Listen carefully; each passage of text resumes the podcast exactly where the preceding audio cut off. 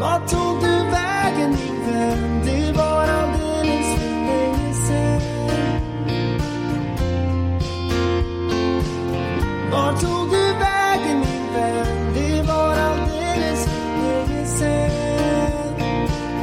Vart tog du vägen min vän?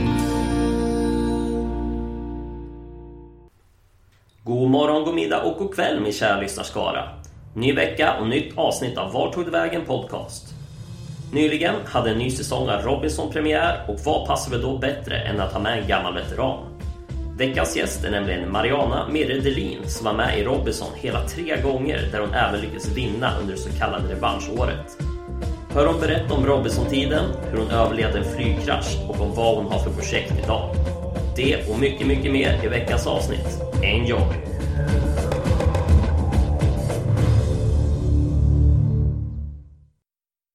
Då säger vi välkommen eh, till programmet Mariana Delin. Hur känns det att Ja. vara här? Jo, men jättespännande. Jag är nyfiken på vad du har för frågor. Ja, vad kul att höra. Eh, Vi ska säga direkt till lyssnarna att vi gör det här via telefonlänk på grund av det rådande coronaviruset. Ifall ljudet blir lite knasigt ibland så vet folk vad det handlar om. Precis, för vi övar den digitala kommunikationen. Det är Jajamän. jättebra, för att Västerås har inte så många, Stockholm är det ju fler och du har en liten bebis på fem månader hörde jag. Ja, precis. Så det gäller att vi tar det säkra för det osäkra så att säga. Ja, jättebra. Klokt. Men du, jag vet inte om du har lyssnat på tidigare avsnitt, men eh, jag brukar alltid börja prata lite om personens uppväxt. Så tänkte jag även göra det här med dig idag. Ja. Var växte du upp någonstans? Eh, Jag är en eh, riktig söderböna som man kallar det för. Uppväxt på Mosebacke torg, Svartensgatan 8, eh, som ligger nära Mosebacke då. Hur var det att växa upp där? Um, nej, men jag var ju liksom som en liten rännstensunge sådär. Pappa hade ju en tavlaffär i Gamla stan, så jag gick ju faktiskt på um, Eh, eh, lek och kladdskola på, Mose, eh, på heter det, Stortorget. Vid Storkyrkan där så fanns det ett dagis där som man eh, ja, fick gå och leka. Så att, ja, nej, men jag är ju verkligen en liten storstadsbarn mitt i faktiskt. Och eh, sen hade vi landställ uppe i Hälsingland där vi faktiskt hade eh, turen att få vara hela våra sommarlov eftersom pappa var konsthandlare och mamma var hemmafru då. Då jobbade han lite grann eh, ja, på sommaren också köpte in konst helt enkelt på sådana hälsingaktioner och åkte runt till lite olika konstnärer och köpte konst och sådär. Så att det var ju fantastiskt. Alltså att jag är verkligen så här lite tvådelad människa. Älskar liksom att gräva mask och fiska och plocka hjortron. Och sen älskar storstadslivet med glitter och glamour och high heels och party också. Så att jag har verkligen två sidor av mig själv. Och det här eh, konstintresset, är det någonting som även förts över till dig? Eh, ja, men det där är ju lite roligt. Man, eh, ibland är man så här lite ofrivilligt lärd av saker som man inte riktigt tänker på. Det har varit väldigt mycket konst i min uppväxt. Jag har ju följt med min pappa när han har köpt konst, ute på auktioner, ropat in tavlor, sett när han har gjort riktiga klipp, som jag säger. Ehm, jag är ju frisör, så mina klipp består ju liksom av 2000 kronor eller 3000 kronor eller 700 kronor. Hans klipp kunde röra sig om 300 000 för att han köpte en tavla som han visste han hade en kund. Så att han kunde göra riktiga klipp kan man säga. Men absolut har det fått med att jag sett olika konsttekniker. Vilket eh, har blivit att jag tyckt varit så kul, så jag har målat väldigt mycket. Och nu har jag en av mina söner, han eh, går eh, fashion design i USA och målar enormt mycket. Och jag ser hur han växer, verkligen i sin utveckling i konst. Och eh, han har ju också sett väldigt mycket konst under sin uppväxt såklart. Ja, det måste ju vara roligt att se att eh, han tar vidare egentligen det som din pappa hade som intresse. Ja, men faktiskt. Och sen har jag då två syskon. En syster som bor i USA och en bror och jag är det yngsta barnet i familjen. Men hur skulle du säga att dina föräldrar skulle beskrivit dig som barn? Uff. Eh, några få ord. Min pappa sa vi trodde vi fick vårt tredje barn, men det var då vi fick se till. Okej. Så att jag har jättemycket energi. Är det någonting som du även känner igen dig i idag, i den beskrivningen? Absolut. Jag, jag har ju väldigt mycket energi. Och, eh, men jag, jag har ju mycket kärlek och bryr mig om mycket människor och sådär också. Så att, ehm, absolut känner jag det. Yes. Men vad brukade du leka som barn? Eftersom jag förstår att du hade en ganska livlig fantasi då också. Oh, absolut. Jag älskar att klättra. Jag, jag kommer verkligen ihåg så från när jag var liten att jag klättrade upp i så här dörrhål i dörrposten och hoppade ner och skrämde folk. Och väldigt kramig, jag ville gärna sitta i knä, väldigt gosig. Och jag mm, byggde lådbilar och jag uppfann hela tiden saker faktiskt. Jag kommer ihåg att jag var inte alls gammal när jag hörde att alla klagade på att det var så mycket avgaser från bilar. Jag bara, pappa man ska uppfinna ett filter man sätter på avgasröret. Och det är ju liksom katalysatorn idag. Och den nöten knäckte jag när jag var fem, men nu var min pappa inte ingenjör och kunde rita min lilla, mitt lilla filter, så att det var ju fint. Ja, vad synd att det inte blev någon patent där tidigt. Ja, precis. Så att, eh, jo, men jag, jag har en god fantasi i min hjärna helt enkelt, så jag kan roa mig. Mm. Om vi går eh, framåt lite grann i tiden, hur var dina tonår? Ja, mina tonår de är lite annorlunda då. då. Jag är lite så här Pippi Långstrump-uppfostrad skulle jag vilja säga. Min mamma var ju sjuk och fick Alzheimers i väldigt eh, ung ålder. Mm. Så att från när jag gick i trean så började hon liksom kopplas bort lite sakta men säkert. Hon dog sen när jag var 18. Eh, och faktum är att det är jättetråkigt och jättesorgligt där och då.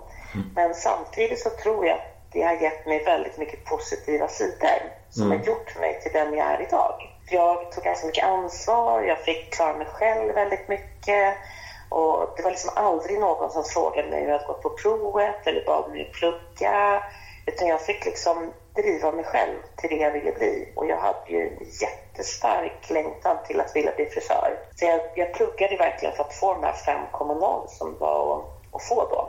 Ja, nej, men jag, jag tror att det har påverkat mig väldigt positivt fast att det var väldigt negativt då. Pappa var ju så här lite mullimansgris och trodde mamma hade koll på allt. Och det tog ett tag innan han började förstå att fasiken, hon har inte koll på allt verkligen. Nej. Och det hade ju verkligen inte. Man kunde liksom... Uh, jag, var, jag var tvungen att förlåta mig själv många gånger. Man skyllde på den ena och den andra och man fick vara ute längre än alla andra och här saker.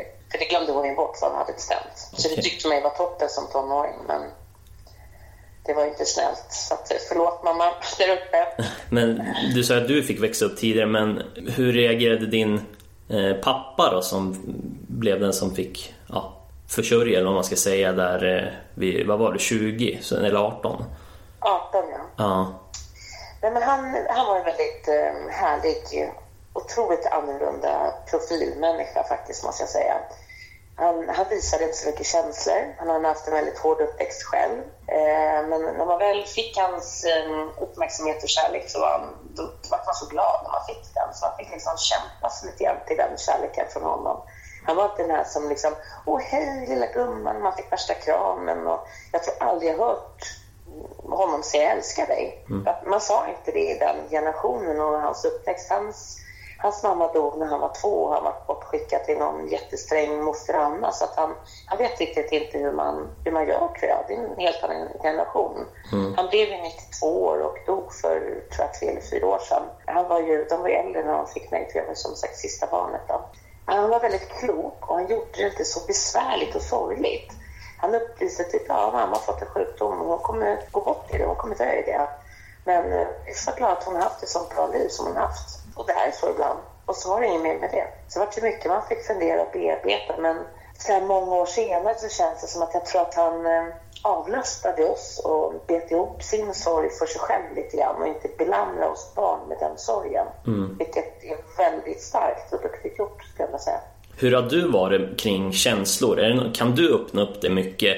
Eller har du också varit att du håller det för dig Ja. själv? Åh, jag skulle behöva stänga lite dörrar. Ja.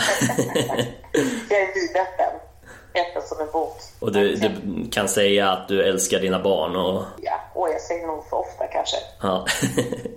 Men du, du var inne på det här med att du tidigt ville bli frisör, att du visste det. Hur tidigt visste du att det var just det du ville jobba med? Uff, Jag tror jag var alltså, fyra, fem år. Då klippte jag, gjorde jag flätor med min syrra så såg jag att gummibandet satt lite olika. Då tittade jag på tofsen och så kom jag på oj, nu är halva håret kortare. Det här måste vi klippa av. Hon hade ju jättelångt hår. Det klippte jag av henne till axlarna. Och sen började jag klippa mina kompisar. Allting jag kom över klippte jag. Jag har inte en enda docka sedan jag var liten som hade hår kvar på huvudet. Att jag, jag klippte hår redan innan jag visste att frisöryrket fanns. Tror jag. Så att eh, det, det satt väldigt tidigt i mina fingrar att jag älskar att klippa hår. Och nu har jag varit frisör i 30 år och jag går verkligen med glada steg till jobbet varenda dag. Jag älskar mina dagar. Ja, men vad har du haft för andra intressen då under uppväxten? Ja, jag har en jättestor passion då, då och det är att åka vattenskidor.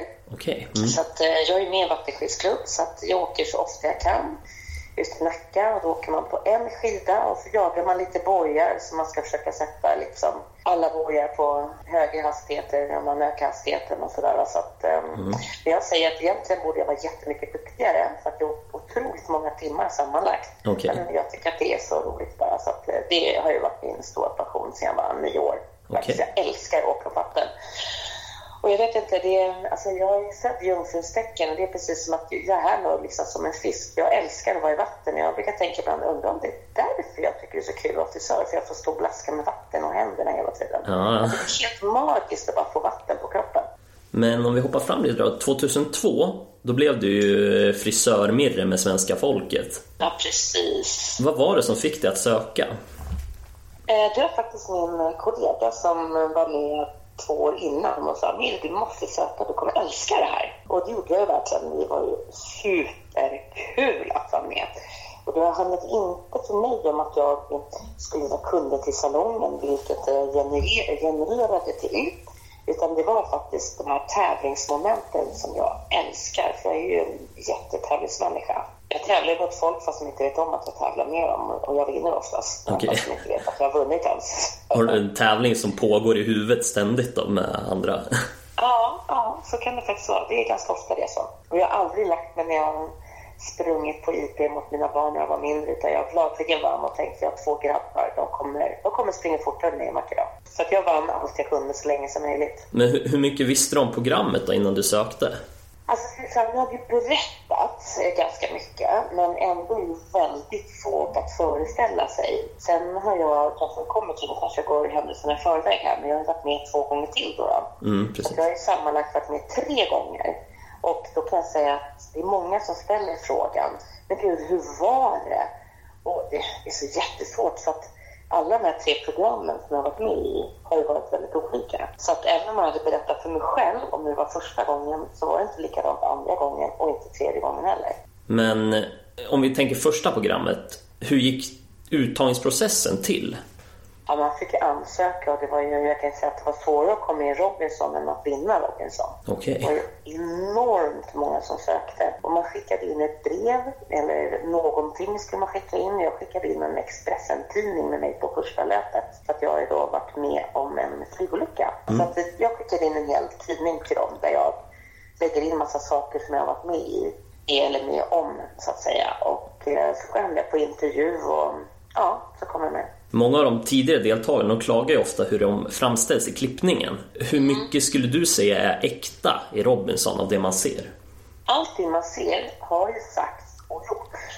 Men det kan ju vinklas på ett litet annorlunda sätt. När man synkar exempelvis, då är det att de frå- ställer en fråga om en person och eh, då hör man ju inte frågan. Då måste jag alltid börja mitt svar och det har man liksom kontrakterat att man måste göra det här.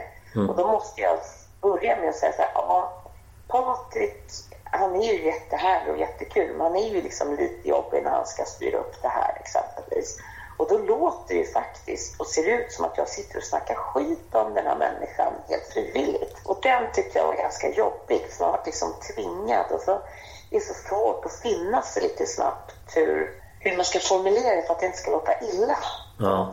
Och sen hur de klippte in första gången då säger jag, ja, jag, jag vann ju enormt mycket tävlingar. Men de klippte in mig som att jag var too good to be true kände jag lite grann. Jag var ju nästan som en Kalle Anka-figur. Alltså, det var ju liksom, för det var ju hon flög ut kille och tjej och bara, jag hamnade på den här andra sidan i två veckor och Ja. jag hade tur. Det var, var bra tävlingar som passade den här lilla fröken. Men de två första gångerna du var med i Robinson, då blev det ju ingen vinst i slutändan. Hur tacklar du motgångar? Eh, Nu kom jag på andra plats då, då med en röst ifrån första gången. Då fick man faktiskt 50 000. Så det var lite vinst ändå på den Okej. tiden. Jag brukar säga att jag är en väldigt bra dålig förlorare. Jag vet ju alltid att jag har vunnit tills något annat bevisar att jag inte vunnit. Okej. Så jag är glad ända fram till sekunden att något annat bevisar. Så att jag har alltid vunnit på V75. Ja, ja. Ända tills jag ser att min hästar inte sprang in. Och jag, jag har det så starkt att jag, jag har gjort av med pengarna innan, men alltså nästan alltså. Ja. Så att jag är väldigt, väldigt, väldigt glad ända tills att jag märker att jag inte har vunnit. Okej. Så att jag tycker att jag tar det väldigt bra. Men vilken skulle du säga annars är din största motgång i livet? Oh, det var väl min eh, skilsmässa, såklart. När jag skilde mig från min man efter 17 år som jag har två barn med. Ja. Det är nog inte så tidigast i mitt liv. Och stor motgång. Jag brukar säga, skulle jag föreläsa för alla människor som är på väg att skilja sig, gör inte det. Det blir inte så mycket bättre. Det är, det, är, det är tråkigt. Och även fast jag är glad att mitt liv har ändrats och haft jättebra tid efter, så är ändå en, en liten sorg i hjärtat att en familj gick sönder. Mm. Som jag tyckte funkade väldigt bra och väldigt härligt. Så att, ja, det är lite tråkigt. Men så kan det vara. Yes. Men hur kommer det sig då att du ändå deltog tre gånger i Robinson? Vad var det som fick dig att vilja åka tillbaka? Nej men alltså jag tyckte det var så roligt. Tänk dig bara, le- lek med tanken. Du sitter sex veckor på en ö där det är varmt, vackert, det är sand, det är hav, du badar flera gånger om dagen och du har bara blivit ditstoppad med en klick andra människor som du aldrig träffat förut och får lära känna. Och man bara pratar, pratar, pratar, pratar, pratar, pratar. Alltså det är så roligt. Och så kommer lite täv- tävlingar. Man har ingen kontakt med omvärlden, man har ingen telefon. Man totalt delitar och relaxar hjärnan. Jag tror att det skulle vara nyttigt om fler gjorde det. Det låter ju fantastiskt men det måste ju ändå varit ganska tufft också ibland tänker jag. Både den mentala biten och hungern och sådär. Det, det läskiga för mig var väl att jag vill, man, man får passa tungan och vad man säger. För man vet inte hur det hamnar. Det, det är liksom en del att det kommer ett program. Men sen har vi pressen också. Som vinklar ytterligare på ett annat sätt. Ja. Och just då löpsedlar och grejer. Och jag kände väl att jag inte riktigt ville gå ut med att min mamma hade gått bort och dog i Alzheimers. Att jag kände att jag har en familj, mina syskon exempelvis och sådär. Så jag kände att jag har inte rätt att bara släppa den bomben.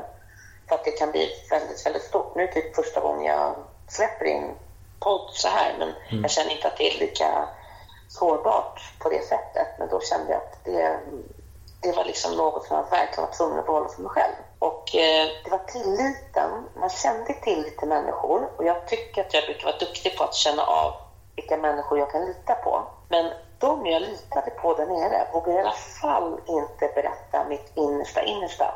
För att jag visste inte om det här kan vända mot mig. Det här är ett spel.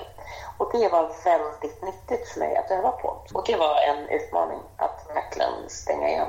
Men var det några som du kände att du hade tillit till där nere som du sedan fick en annan uppfattning av när du kom hem och såg programmet? Nej, eh, om man säger Anna Stenlund kände jag väldigt snabbt att det här är en riktig, rak, härlig, rakryggad kvinna. Hon är finlandssvensk och hon och jag har ju kontakt idag jag är deras tärna när de gifte sig och jag är deras gudmor, tränar deras barn Milou. Så att eh, hon, hade hon svikit mig då hade jag blivit förvånad över min, mitt val av den som jag kände mest tillit till. Men det var ingen direkt som svek mig eller gjorde mig något ont eller jag var besviken på faktiskt. Minns du annars grenar du tävlade i? Eh, ja, väldigt många utav tävlingarna minns jag. Och jag minns extra några sådär som var lite extra spännande. Ja, Som vilka, jag tyckte, jäklar vad vass jag var där. ja, vilka tyckte du var roligast och respektive tuffast? Den tävlingen jag kommer ihåg det första programmet, det var ju när jag var på andra sidan. Och jag möter Augustin Dupal, Dupal, nästan två meter lång, kommer från Västindien, har ju en eh, otroligt musklig kropp och eh, väldigt stark. Och jag tänkte shit. Och då får vi simglasögon. Jag tänker jag har inte en chans, mindre än 63. Hur ska detta gå? Men eh, då är det som så att vi eh, står på en påle, vi ska dyka ner. Jag misstänker att det kanske är en och en halv, två meter ner till vattnet. Det känns ju alltid mycket längre. Det kanske var en halv meter, jag vet inte. Men det, jag, jag uppfattar som att kanske var en och en halv, två meter någonting. Och man ska dyka ner och man ska hålla ett bord och man ska lägga pussel. Eh, och jag är ganska duktig på sådana här bilder och knep och knåp. Så på vägen ner, då ser jag att det måste vara loggan på Robinson. Så att jag bara grabbar, grappar tag och bara lägger det ärret. Och tänker jag, jag har inte chans för att Augustin har dubbelt så stora lungor som mig. Han kan vara under vattnet väldigt mycket längre. Men min hjärna var nog snabbare än Augustin. Han var tvungen att gå upp och ta luft. Så han är på väg ner och jag är klar och på väg upp och då kände jag bara yes! Att jag förstod när han, jag trodde att han hade blivit klar när jag såg bubblorna i jätteögat att han åkte upp. Ja. Men då hade han inte fixat pusslet. Ja. Så att den var jag ju väldigt glad över att vinna. Ja, det blev lite kombinerat och både roligast kanske och en av de tuffare utmaningarna då. Ja, det, det var ju roligt att känna den känslan. Sen, alltså, det är ju massa exempel. Jag skulle kunna hålla på och prata en halvtimme om de olika tävlingarna. För det är ju som sagt tävlingarna som jag tycker är väldigt roligt. Du kan väl bara kort nämna lite om plankan också? Eh, plankan, det var ju jag eh, och Antonio Tars och det var Errol och det var Patrik som hamnade på plankan. Och då hade jag en lite bakfickekort faktiskt. Jag hade ju redan en liten agenda och plan i det här redan från när jag åkte ner på ön. Strix visste ju om det här, att jag hade varit med om det här. Och jag hade inte avslöjat det här för någon utan jag har nämligen vunnit en bil en gång via eh, Riks FM på Vattenfestivalen. Okej. Där stod jag lite snöre i 30 timmar och fem av de timmarna stod jag på ett ben och vann en Fiat Perceptorna tvåsitsig sportcab för Oj, 250 ja. 000 kronor. Eh, så att jag kan stå, Ja. verkligen. Jag har jättegod balans, jag är frisör. Det är något jag kan för att stå. Och eh, när jag står där, jag har stått så här jättelänge och jag är otroligt strategisk. Alltså, när jag ska vinna en tävling, då planerar jag det här. Jag vet exakt hur jag ska göra. Så jag ställer mig längst bak, för jag förstår att det är bäst om jag får se de här tre. För att det kommer stärka och styrka mig när jag ser att de vinglar och ser att de börjar bli trötta. Och de ser inte mig. Så att jag hoppar upp sist på plankan och ställer mig där jag behöver stå. Och, eh, sen börjar vi stå där, de tar bort en planka, så vi har ju två kvar. Och då berättar jag att ja grabbar, ni kommer få stå här länge, det vet ni va? De bara, vadå? Nej, men då berättar den här storyn att jag går lite dyr. Och då känner jag det bara säger plopp, plopp. Och sen släpper de en till planka.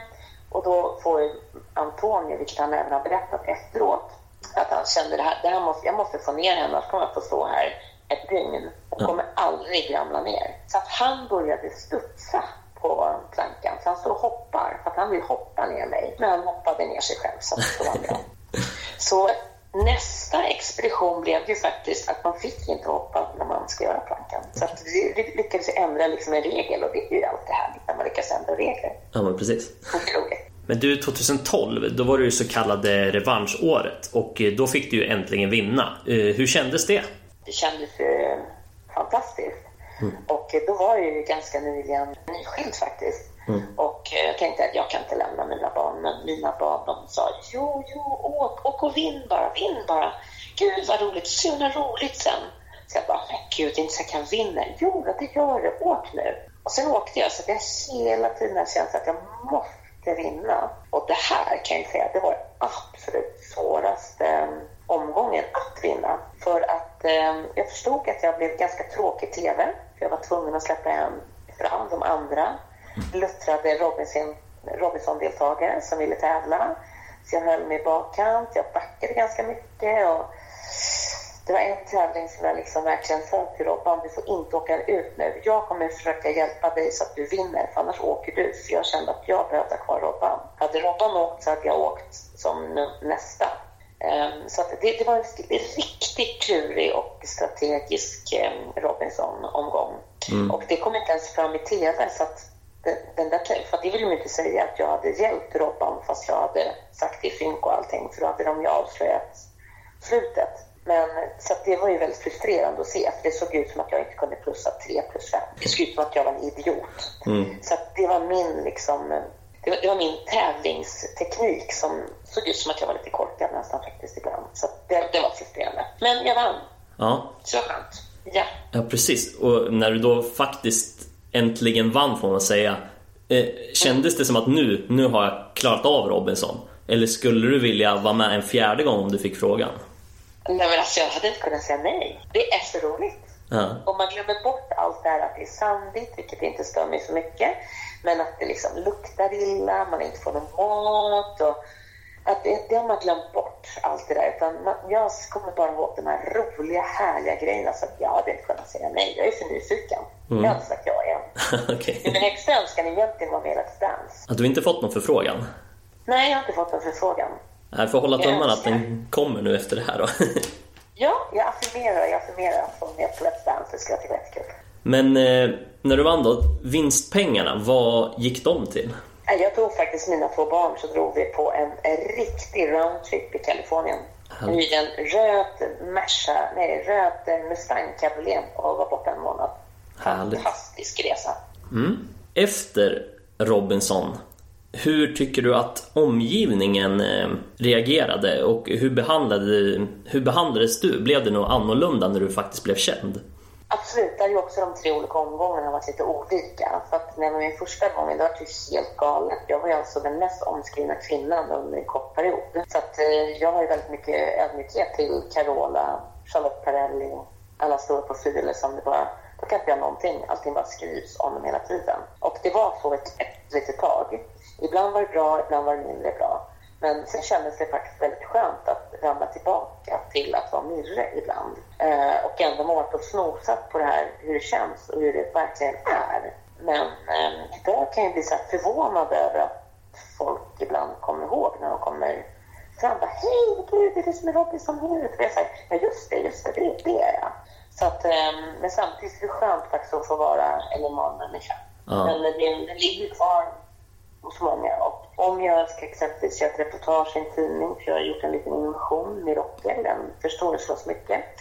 Och då har jag lite fördel med, för att då har ju press lite koll på mig. Eh, om jag presenterar mig så kommer jag lite snabbare fram i många lägen än att jag hade varit så här, Ingrid Nilsson. Liksom. Kanske Ja. inte de hade tyckt var lika kul att skriva om det. Så jag, jag har lite fördelar av det idag, att jag liksom har stärkt mitt varumärke. Hur märktes det på frisörsalongen när du blev känd? Ja, eh, jo, men, eh, folk som har varit... Jag har, haft, jag har jättemånga samkunder och jag har väl alltid känt att de har känt något typ stolthet att ah, det är min frisör. Jag har alltid varit såhär, ja, vi är vänner, vi gör vi. Alltså jag har alltid bjudit på det här på något sätt. Så jag upplever att det har tagits emot väldigt bra. Precis efter första omgången, då var jag ju, jag såldes ju som en födelsedagspresent. Att komma och klippas hos Mirre. Och jag glömmer aldrig, det var en pappa som låg och filmade mig från alla vinklar. Han låg på golvet och filmade och stod och filmade och gick runt och filmade och filmade hela den här klippningen som hon hade fått i födelsedagspresent. Så då kände jag mig liksom som en apa på Skansen. Liksom. Så det, det, det varit lite olika där också. Ja, det känns som att vi börjar runda av lite här med Robinson-temat. Men en sista fråga på det. Om du mot förmodan skulle bli skeppsbruten idag, tror du att du skulle klara dig bra då? Eh, jag vet att jag skulle klara mig, helt säker. Ja. Ja. Men du, då tar vi och går in på mitt första test här. Eh, Vad kul. Hela programmet är ju som sagt baserat på Robinson Crusoe. Och därför tänkte jag göra ett test för att se vad du kan om den riktiga boken.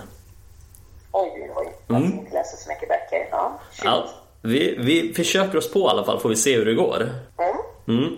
Vem har skrivit boken? Oh, det ska man ju veta, men det vet jag inte. Nej. Daniel Defoe. Ringer, en, ringer en klocka? Mm, jo, jag har hört talas om det. Då tar vi fråga nummer två. Han blir ju vän med en inföding. Vad var dennes namn? Nej, jag vet inte heller. Okej, det är fredag. Han träffade honom på en fredag och då fick han det namnet. Just det, Fredag heter jag. Just det. Mm. Ja, precis.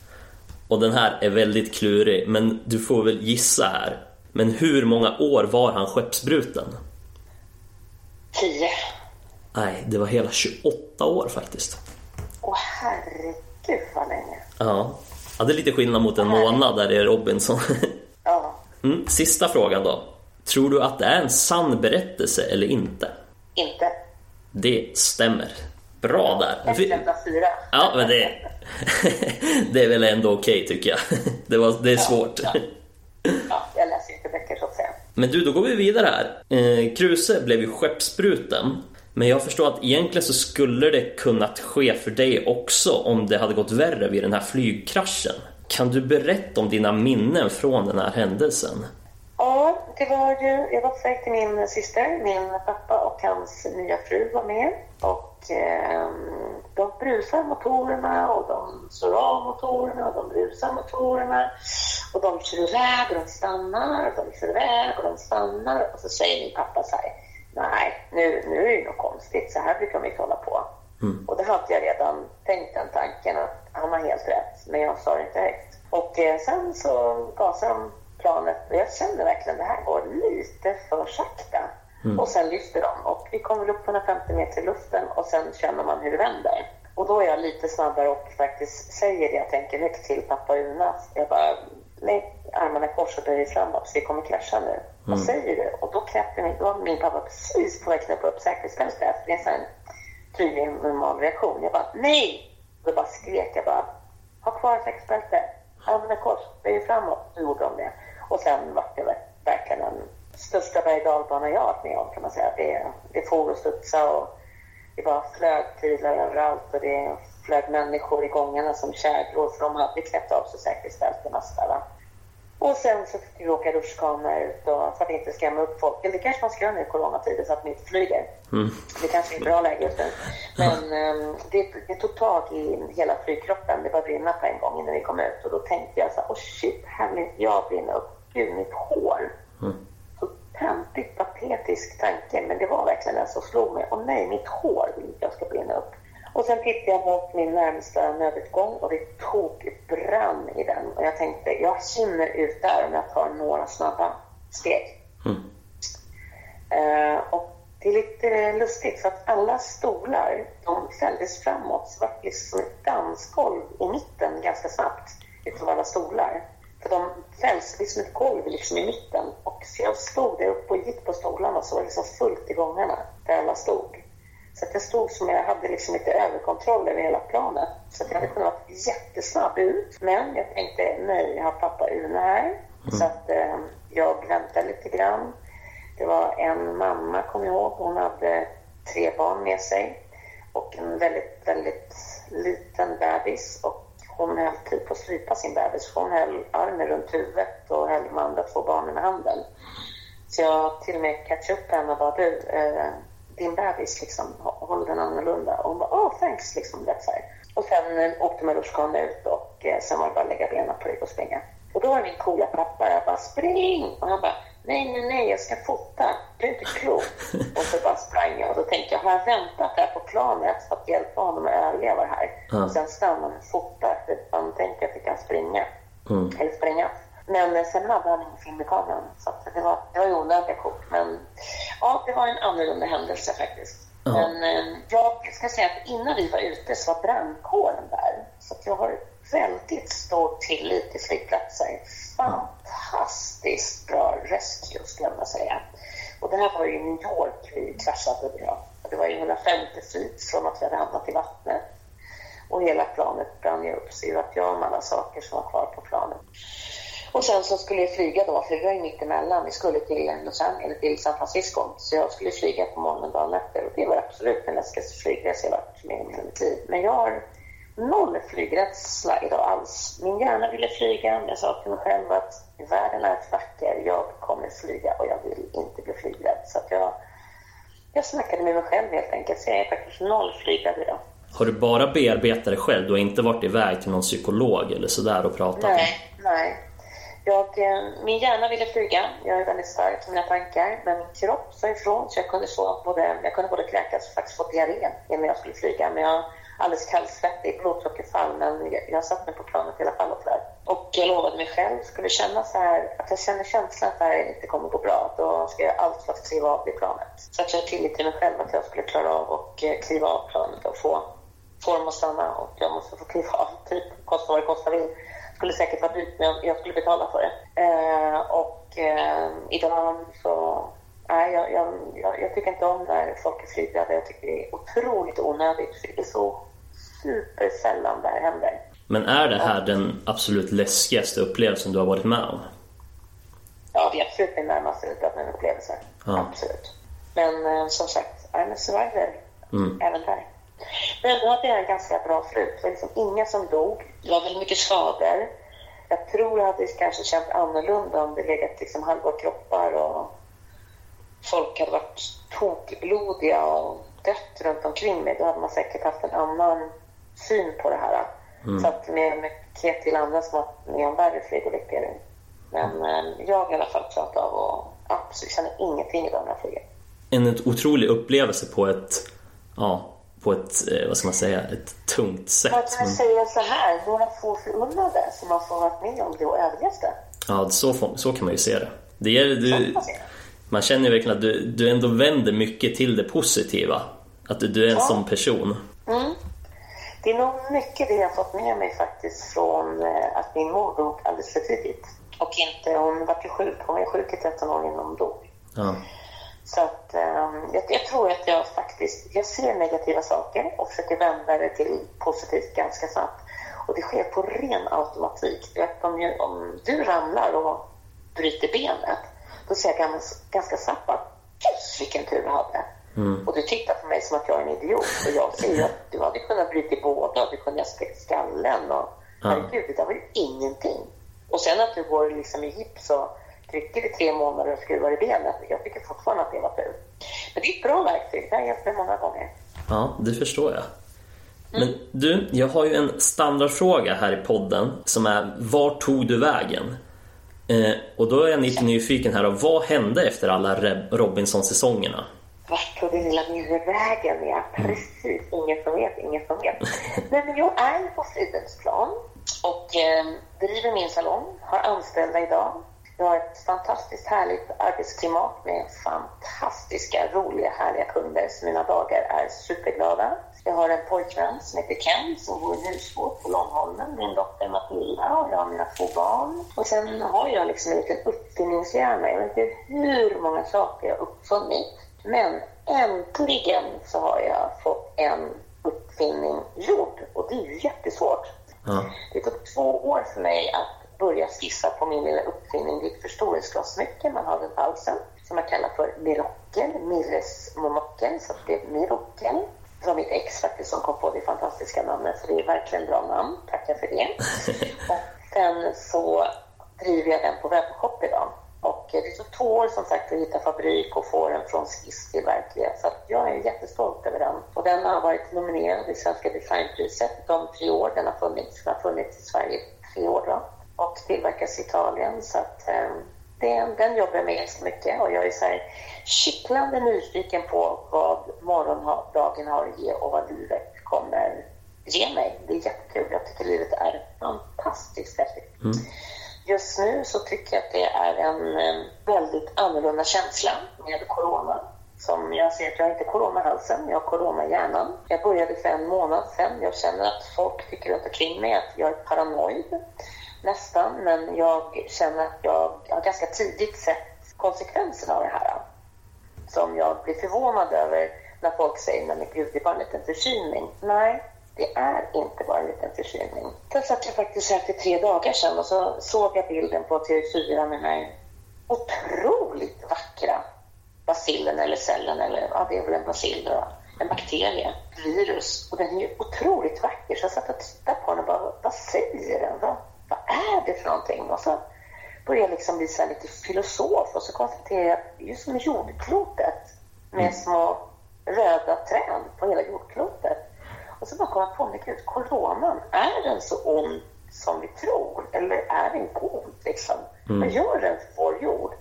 Och så kändes det att det är första gången som jorden har funnits som verkligen hela världen med all befolkning, så, mycket, så länge det har funnits människor på jorden, som under tre månader har exakt samma bekymmer och det går i en jäkla hastighet. Så att det är en otroligt stor kraft och makt vi har runt vår jord just nu.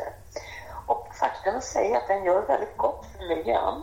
Tyvärr kommer många gå bort, äldre och så de som är i riskzon. Så det är otroligt många verkligen som kanske inte kommer klara av det.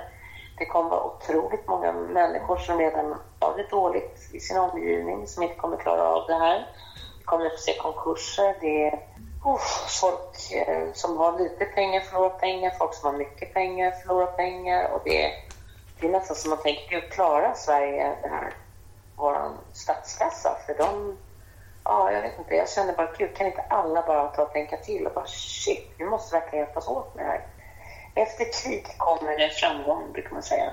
Ibland behövs otäcka saker också. Det låter jättehemskt, men nej, jag har en väldigt kluven grej och jag ser corona som att Den ger något gott. Jag, jag, jag har inte riktigt ord på det, men den ger något gott också. Den, den ger lite, den ger lite kärlek på något sätt också. Den, den får människan att bli rädd, den får människan att bry sig, den får människor att tänka på de som är mer sårbara och äldre. Och många bryr sig och är rädda om andra, ringer och hör av sig och mår. Och, ja, det är verkligen, det blir en annan världssamhörighet. Corona skrämmer ju som sagt många, men vad, vad skrämmer dig? Om du ser från allting, inte bara coronavirus. Vad, vad är det som skrämmer Mirre? Det som skrämmer rädd det är när jag hör att folk förnekar vad, vad det är för någonting. Mm. Att de inte ser. Det är så här, men gud, ser de inte? Det gör mig frustrerad, det gör mig lite mörkrädd. Jag, jag är inte rätt att säga vad intelligens är, för man kan vara intelligent på många olika sätt. Men jag kan känna så här att man, det förstår man inte att vi, vi måste isolera oss lite grann för att bryta det här. Vi har ingen, har ingen sjukvård, det handlar om att alla blir sjuka samtidigt. Så vi har, vi har inte sjukvård som räcker till. Så är det en, annan sak som tillställs att det blir en stor bilolycka, någon annan katastrof någonstans. Då har vi inte kapacitet att ta hand om det som vi hade haft kapacitet att ta hand om på grund av att folk har sånt otroligt behov just nu att i alla fall gå på restaurang eller gå på diskotek eller ha den här stora företagen, jättemånga företag som stänger av sina konferenser och möten, vilket gör mig, jag, jag känner mig, alltså, jag blir stolt över de företagen. Jag kommer komma ihåg de företagen som har stängt av möten, som ställer in visningar, som ställer in oh, konferenser. SHL stängde av nu. Jag blir stolt över dem när jag känner att de har förstått att vi måste göra så här. Jag blir inte stolt över när man inte bromsar. Som Oscarsteatern. Jag blev mörkrädd när de sa ja, då släpper vi in 499. Då kände jag, hur i hela friden kan de tänka så? Ja, exakt. Och sen fick de höra att personalen är inkluderat. Så att det innebär att det var 25 stycken kvar i publiken om alla hade jobbat och de hade släppt in publik. Så så många är det som jobbar där. Mm. Så att de skulle stänga arbetsplatsen, för de är för många på arbetsplatsen. Men det gör inte de. Nej. Och det, det, då, blir jag, då blir jag ledsen. Det, det skrämmer mig faktiskt. Över vissa hjärnors kapacitet. Jag läser inte mycket böcker. Jag läser ju böcker som ger mig någonting eller faktaböcker. Så att jag vill bara slå ett slag på en bok som verkligen förändrat mitt tänk och det är Konsten att vara snäll. Okej. Den är fantastisk och det handlar lite grann om det här att man ska våga gå ensam emot andras tankar och, och även om inte alla är med dig så kommer de förstå det sen vad du gjorde. Och att man vågar vrida igenom den här tanken man tänker. Ja. Ja, det att vara snäll. Har du läst den? Nej, det har jag inte gjort. Nej, den har legat på ettan väldigt länge, för Ja. några år sedan. Ja, jag ska Den kolla upp den. Ja. Det är en pepparkaka på en, en, en bok. Mm. Traditionell pepparkaka helt enkelt. Du, jag måste bara fråga här också kring eh, coronaviruset. Hur ställer du dig till eh, din frisörsalong med att ha öppet och... Ja, den 9 februari vet jag att jag köpte munskydd till min personal och min familj. Och de skrattade lite lätt till mig för jag sa att nu går jag öppna på apoteket och köper munskydd. Och då var de lite förvånade faktiskt att de redan var slut. Så jag var absolut inte först. Eh, vi har inte stått i munskydd, men vi har haft eh, handsprit och vi eh, har verkligen skrivit att vi först inte ville att folk skulle komma in och avboka sina tider om de har varit i högriskområden. Gjorde det för ett tag sedan och eh, nu är det passerat som Stockholm är ett högriskområde. Så nu verkligen ber vi om att de inte ska komma om de känner minsta lilla eh, någon typ av känning i halsen eller att man känner sig lite förkyld eller någonting, att man inte kommer, att man skjuter upp sin tid. Och jag skulle inte dra mig för att be någon boka upp sin tid om jag känner att de kommer och ser lite förkyld ut. Så skulle jag skjuta fram dem faktiskt. Och vi stryker mellan alla kunder och försöker verkligen eh, så gott vi kan. Men det är väl på lut att jag känner att eh, även fast jag inte fått direktiv att salongen måste stängas så är det nästan på vippen att jag, ja, jag har lite konflikt i hjärnan hur jag ska göra faktiskt. Ehm, nu, har vi, nu har vi varit lite negativa här ett tag kanske, men jag tycker vi Ja. försöker vända lite till det positiva nu då. Men eh, Kan du berätta lite mer om vad som är det bästa med att vara frisör så vi ändå går upp lite och blir lite happy här? Mm. Ja, det är ett superhärligt yrke. Men det häftigaste med att vara frisör, det är faktiskt all information man får. Människor delger så otroligt mycket. Nu är jag ju öppen också, så att mina kunder är väldigt öppna till mig med. Jag lär mig saker, jag har om otroligt många yrken och jag får information, jag kan föra statistik, vill jag veta något och fråga många så får jag lite statistisk undersökning. Eh, alltså det är jättespännande. Sen blir jag lite ödmjuk för jag är aldrig hundra procent säker på det som jag vet. För jag kommer inte riktigt ihåg varifrån källan som jag vet kommer ifrån. Och det är ju härligt att få vara lite ödmjuk att inte hundra procent veta exakt. Är det någonting som du kan dela med dig av till oss som eh, har hänt på din frisörsalong som, eh, som du känner är unikt? Antingen någonting som någon har sagt eller någonting som har hänt. Gud vad svårt, jag har varit frisör i 30 år. Hjälp! Oh, unikt, unikt. Oj, oj, oj, oj.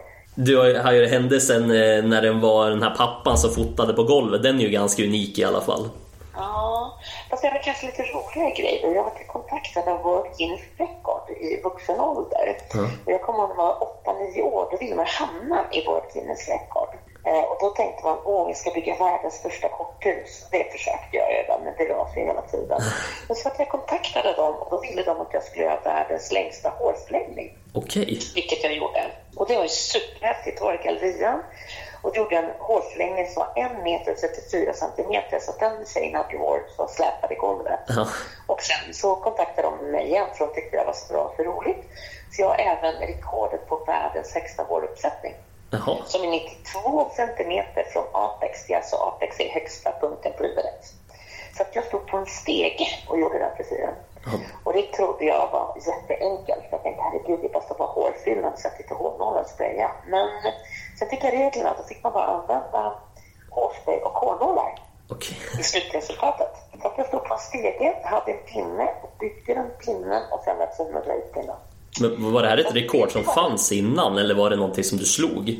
Det har säga att Marion Antoinette ägde den högsta håruppsättningen tidigare, vilket jag slog. Det var så här 200-årigt rekord, så jag hade väl lite så här, oh, gud vad taskig jag som slog det rekordet. Men eh, jag, jag är stolt över mina World Guinness Record, för den, den titeln får man äga resten av livet när man har den. Okej, ja det är häftigt. Och eh, längsta hårförlängning tror jag inte har funnits.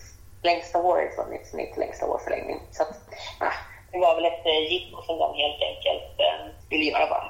Ja, det var, det var ju en härlig berättelse ändå. Ja, så, så mina dagar är ju inte så här. Jag står liksom inte med en sax och bara matar från morgon till kväll. Utan jag har väldigt händelserika dagar. Jag har föreläst för frisörer, jag har utbildningar för frisörer, jag har långvårdsuppsättningskurser för frisörer. Jag har varit med och gjort reklamfilmer med hår. Jag har, alltså, jag har ett otroligt händelserikt yrkesliv.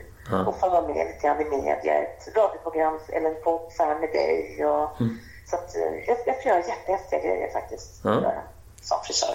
Kul. Så att det inte bara så att det står trippeldagarna i onda faktiskt. Men vad skulle du säga då är inne i frisyrväg 2020? Åh gud, tack för att du frågar. Jag slår ett stort slag för kort hår. Det kommer. Så vill du vara med och vara först klippt i kort? Ja? säger jag bara. Och nu tänker jag mest på kvinnor faktiskt. Det har varit alldeles för många långt hår, plattångslångar, eh, eh, plattångslockar, långa säger man, plattångslockar. Och sen lite slingigt, lite balayage, lite grejer. Nu var liksom korta, fräcka, härliga frisyrer. Nu snackar jag riktigt kort alltså. Är det både på killar och på tjejer? Eller? Främst på tjejer, för vi har haft eh, långt hår länge. Mm. Eh, killar, det är lite blandat. Det är inget, det är inget inte rätt man är supertrött på, på killar. Det är liksom, några har ju faktiskt kort hår, några har lite halvlångt. Men jag säger, de som har halvlångt, klipper kort. Och ni som har kort, låt det bli långt. Ska ni byta plats lite. Ja? Omväxling förnöjer. Ja? Och sen tror jag väldigt mycket att vi kommer se ganska mycket rött. Och eh, ganska mycket blont kommer vi se de korta frisyrerna. Härligt, då har du gett lite tips här till lyssnarna också. Ja. Men du, du har ju som sagt varit frisör nu väldigt länge och jag tänkte därför att det, vi ska ta och göra ännu ett test. Och då ska vi helt enkelt se om du kan urskilja ljuden. Och det ena ljudet är en rakapparat och det andra en elektrisk tandborste. Ja. Så vi ska se om du helt enkelt kan eh, höra vad som är vad. Det här känner jag att jag kommer klara. Härligt, då ska vi se här. är du med? Jag är med.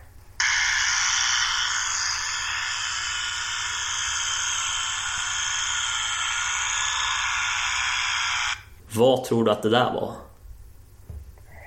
Det ändrades ju ljudet. Första början var det väldigt vasst och hårt. Det tyckte jag verkligen det lät som klickmaskinen. Men sen var det lite dovt. Man hörde inte riktigt där på sluttampen. Men jag säger klickmaskinen. Det är tyvärr fel, det var en tandborste. Det var en tandborste. Jaha, du ser. Ja. Nej, jag klarar inte ens det. Ja, vi får se. Det kommer flera här. Jag har fem stycken olika ljud, så vi får se. Vi tar nummer två.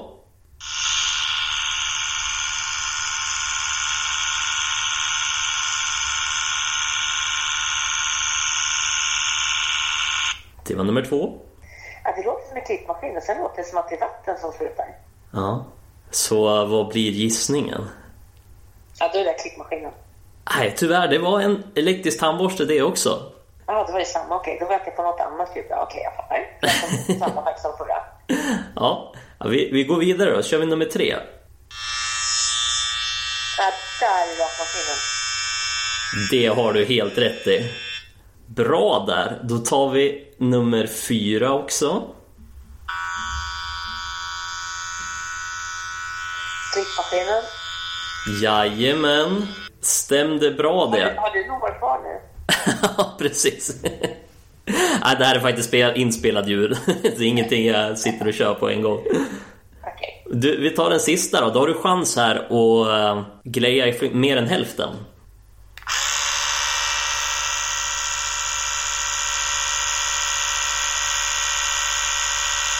Där är tandborsten. Det är rätt. Starkt jobbat. Då blev det fler än, fler än hälften. Det tycker jag är helt klart godkänt. Det var härligt. Ja, det, det är ju svårt över telefon där också. Du kanske hade behövt höra bägge ljuden innan du kunde jämföra där med de två första tänkte Det jag. var lite, det var lite skrovligt. Ja, men det, det gick ju ändå bra tycker jag. Ja, vad härligt. Mm, men du, nu börjar podden gå här mot sitt slut, men jag har ändå några avslutande frågor. Till att börja med här, vad är viktigast för dig i livet? Min kropp håller sig hel och frisk. Det är väl ett utmärkt svar. Så går vi vidare. Mm. Vilken negativ sida hos dig själv skulle du behöva jobba med? Oj. Jag tror att jag skulle behöva förstå att människor inte tycker som jag alla gånger. För att jag kan ju stånga mig blodig på att få folk att förstå vad jag menar. Och det behövs inte alltid. Så att jag kanske bara ska oftare bara let it go. Ja. Eh, vad hoppas du då att andra gillar med dig? Mm, min energi, att jag är glad, att jag tittar på saker och älskar ge tips. Mm. Tips kan ju vara jobbigt för många, men jag älskar verkligen jag, jag är tipsfröken. Ja. Då kan du, ska du ge ett tips här nu bara, på någonting? Du har ju gett ett boktips redan, men någonting mer? Mm. Ehm, då skulle jag säga så här, om det här var din sista dag, är den här dagen som du hade önskat att den såg ut om du visste att det var din sista dag? Som man tar vara på varenda minut. Tid är det dyrbaraste vi har och vi får absolut inte få tid tillbaka och det är inte mycket tid vi får. Så att var rädd om dina sekunder och din tid. Ja, härligt. Vad har du för framtidsdrömmar?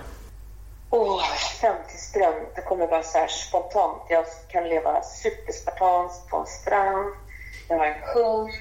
Jag ser vågorna. Jag har en surfbräda. Jag har en liten, mm, en liten butik där jag både klipper hår och gör frukostmackor och gör kaffe. Jag älskar att göra frukostmackor när jag och brygger kaffe och har lite kunder som kommer käka frukost. Så kanske klipper dem.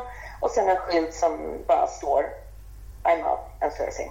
Om det är bra vågor. Ja, ja det låter ju fantastiskt. Men du, om du skulle ge råd till 20-åriga Mariana versus 65-åriga Mariana, vad skulle det vara? Råd till 20-åriga Mariana. Jag var ganska duktig som 20-åring, herregud. Um, kanske sparat, sparat lite mer pengar. Ja. Hade jag nog kunnat gjort faktiskt som 20-åring. Buffrat mer, verkligen. Jag tyckte alltid att jag hade haft en buffert, men jag skulle inte bara tänka på att det räcker med den här bufferten. Jag skulle ha försökt att tänka att starta kapital. Du har buffrat klart, starta ett kapital nu så att det växer. Det hade jag gett min 20-åriga. Min 65-åriga, G. Träna mera. Kom igen nu, lilla tanten. Kör på. Ligg inte här på soffan. Kom igen. Lek efter 20 nu. Ja. Härligt. Du, till sist måste jag bara fråga, är, är det någon som du undrar var den har tagit vägen? Mm. Ja, vad intressant. Oh, jag brukar ju tänka ibland på så här.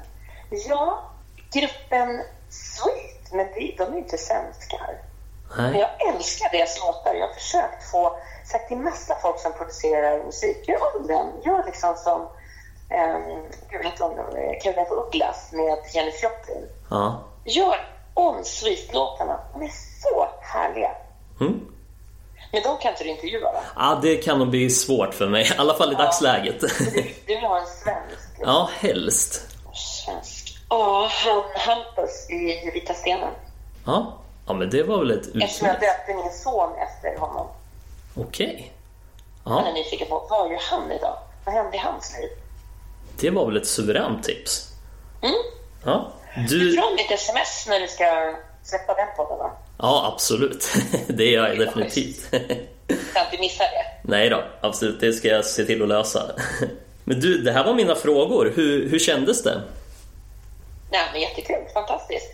Det känns ju som jag har fått liksom lite dagtid på att prata om corona. Nu vet inte när det här släpps. så Det är ju fantastiskt bra, för det är verkligen högaktuellt idag. Och jag har fått eh, förmedla hur fantastiskt roligt det är att vara frisör.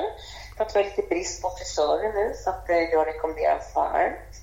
Om du väljer frisör som yrke så får du ett fantastiskt härligt och givande liv. Så att, eh, på den. Så det känns som att jag har fått förmedla lite grann så här som jag, som jag är. Liksom. Jag vill gärna ge tips och råd. Så det känns superbra att jag fick den här podden med dig. Ja, men jättekul att Jag är höra. tacksam. Ja, du, det har varit väldigt roligt att eh, få den här pratstunden med dig också. Och jag ly- önskar dig stort lycka till här med framtida projekt. Ja, vad härligt. Ja, Med min lilla surfbräda och eh, out and surfing. Ja exakt. Ja, jättehärligt. Ja, och till alla er där ute vill jag bara också säga tack för att ni har lyssnat och vi hörs snart igen. Hej då! Hej då! Då var fyra avsnitt avklarade av vad som förhoppningsvis ska bli ett rejält antal fler. Som vanligt vill jag tacka Måns Brorsson för introt och min gäst för att hon tog sig tid att dela med sig av sitt liv. Följ mig gärna på Instagram, ni hittar mig under namnet Var tog du vägen? Om ni gillar podden får ni också hemskt gärna dela den vidare och kommentera den. Och nu i dessa coronatider vill jag också uppmana er om att verkligen ta hand om varandra. Tusen tack för att ni har lyssnat. Vi hörs när vi hörs.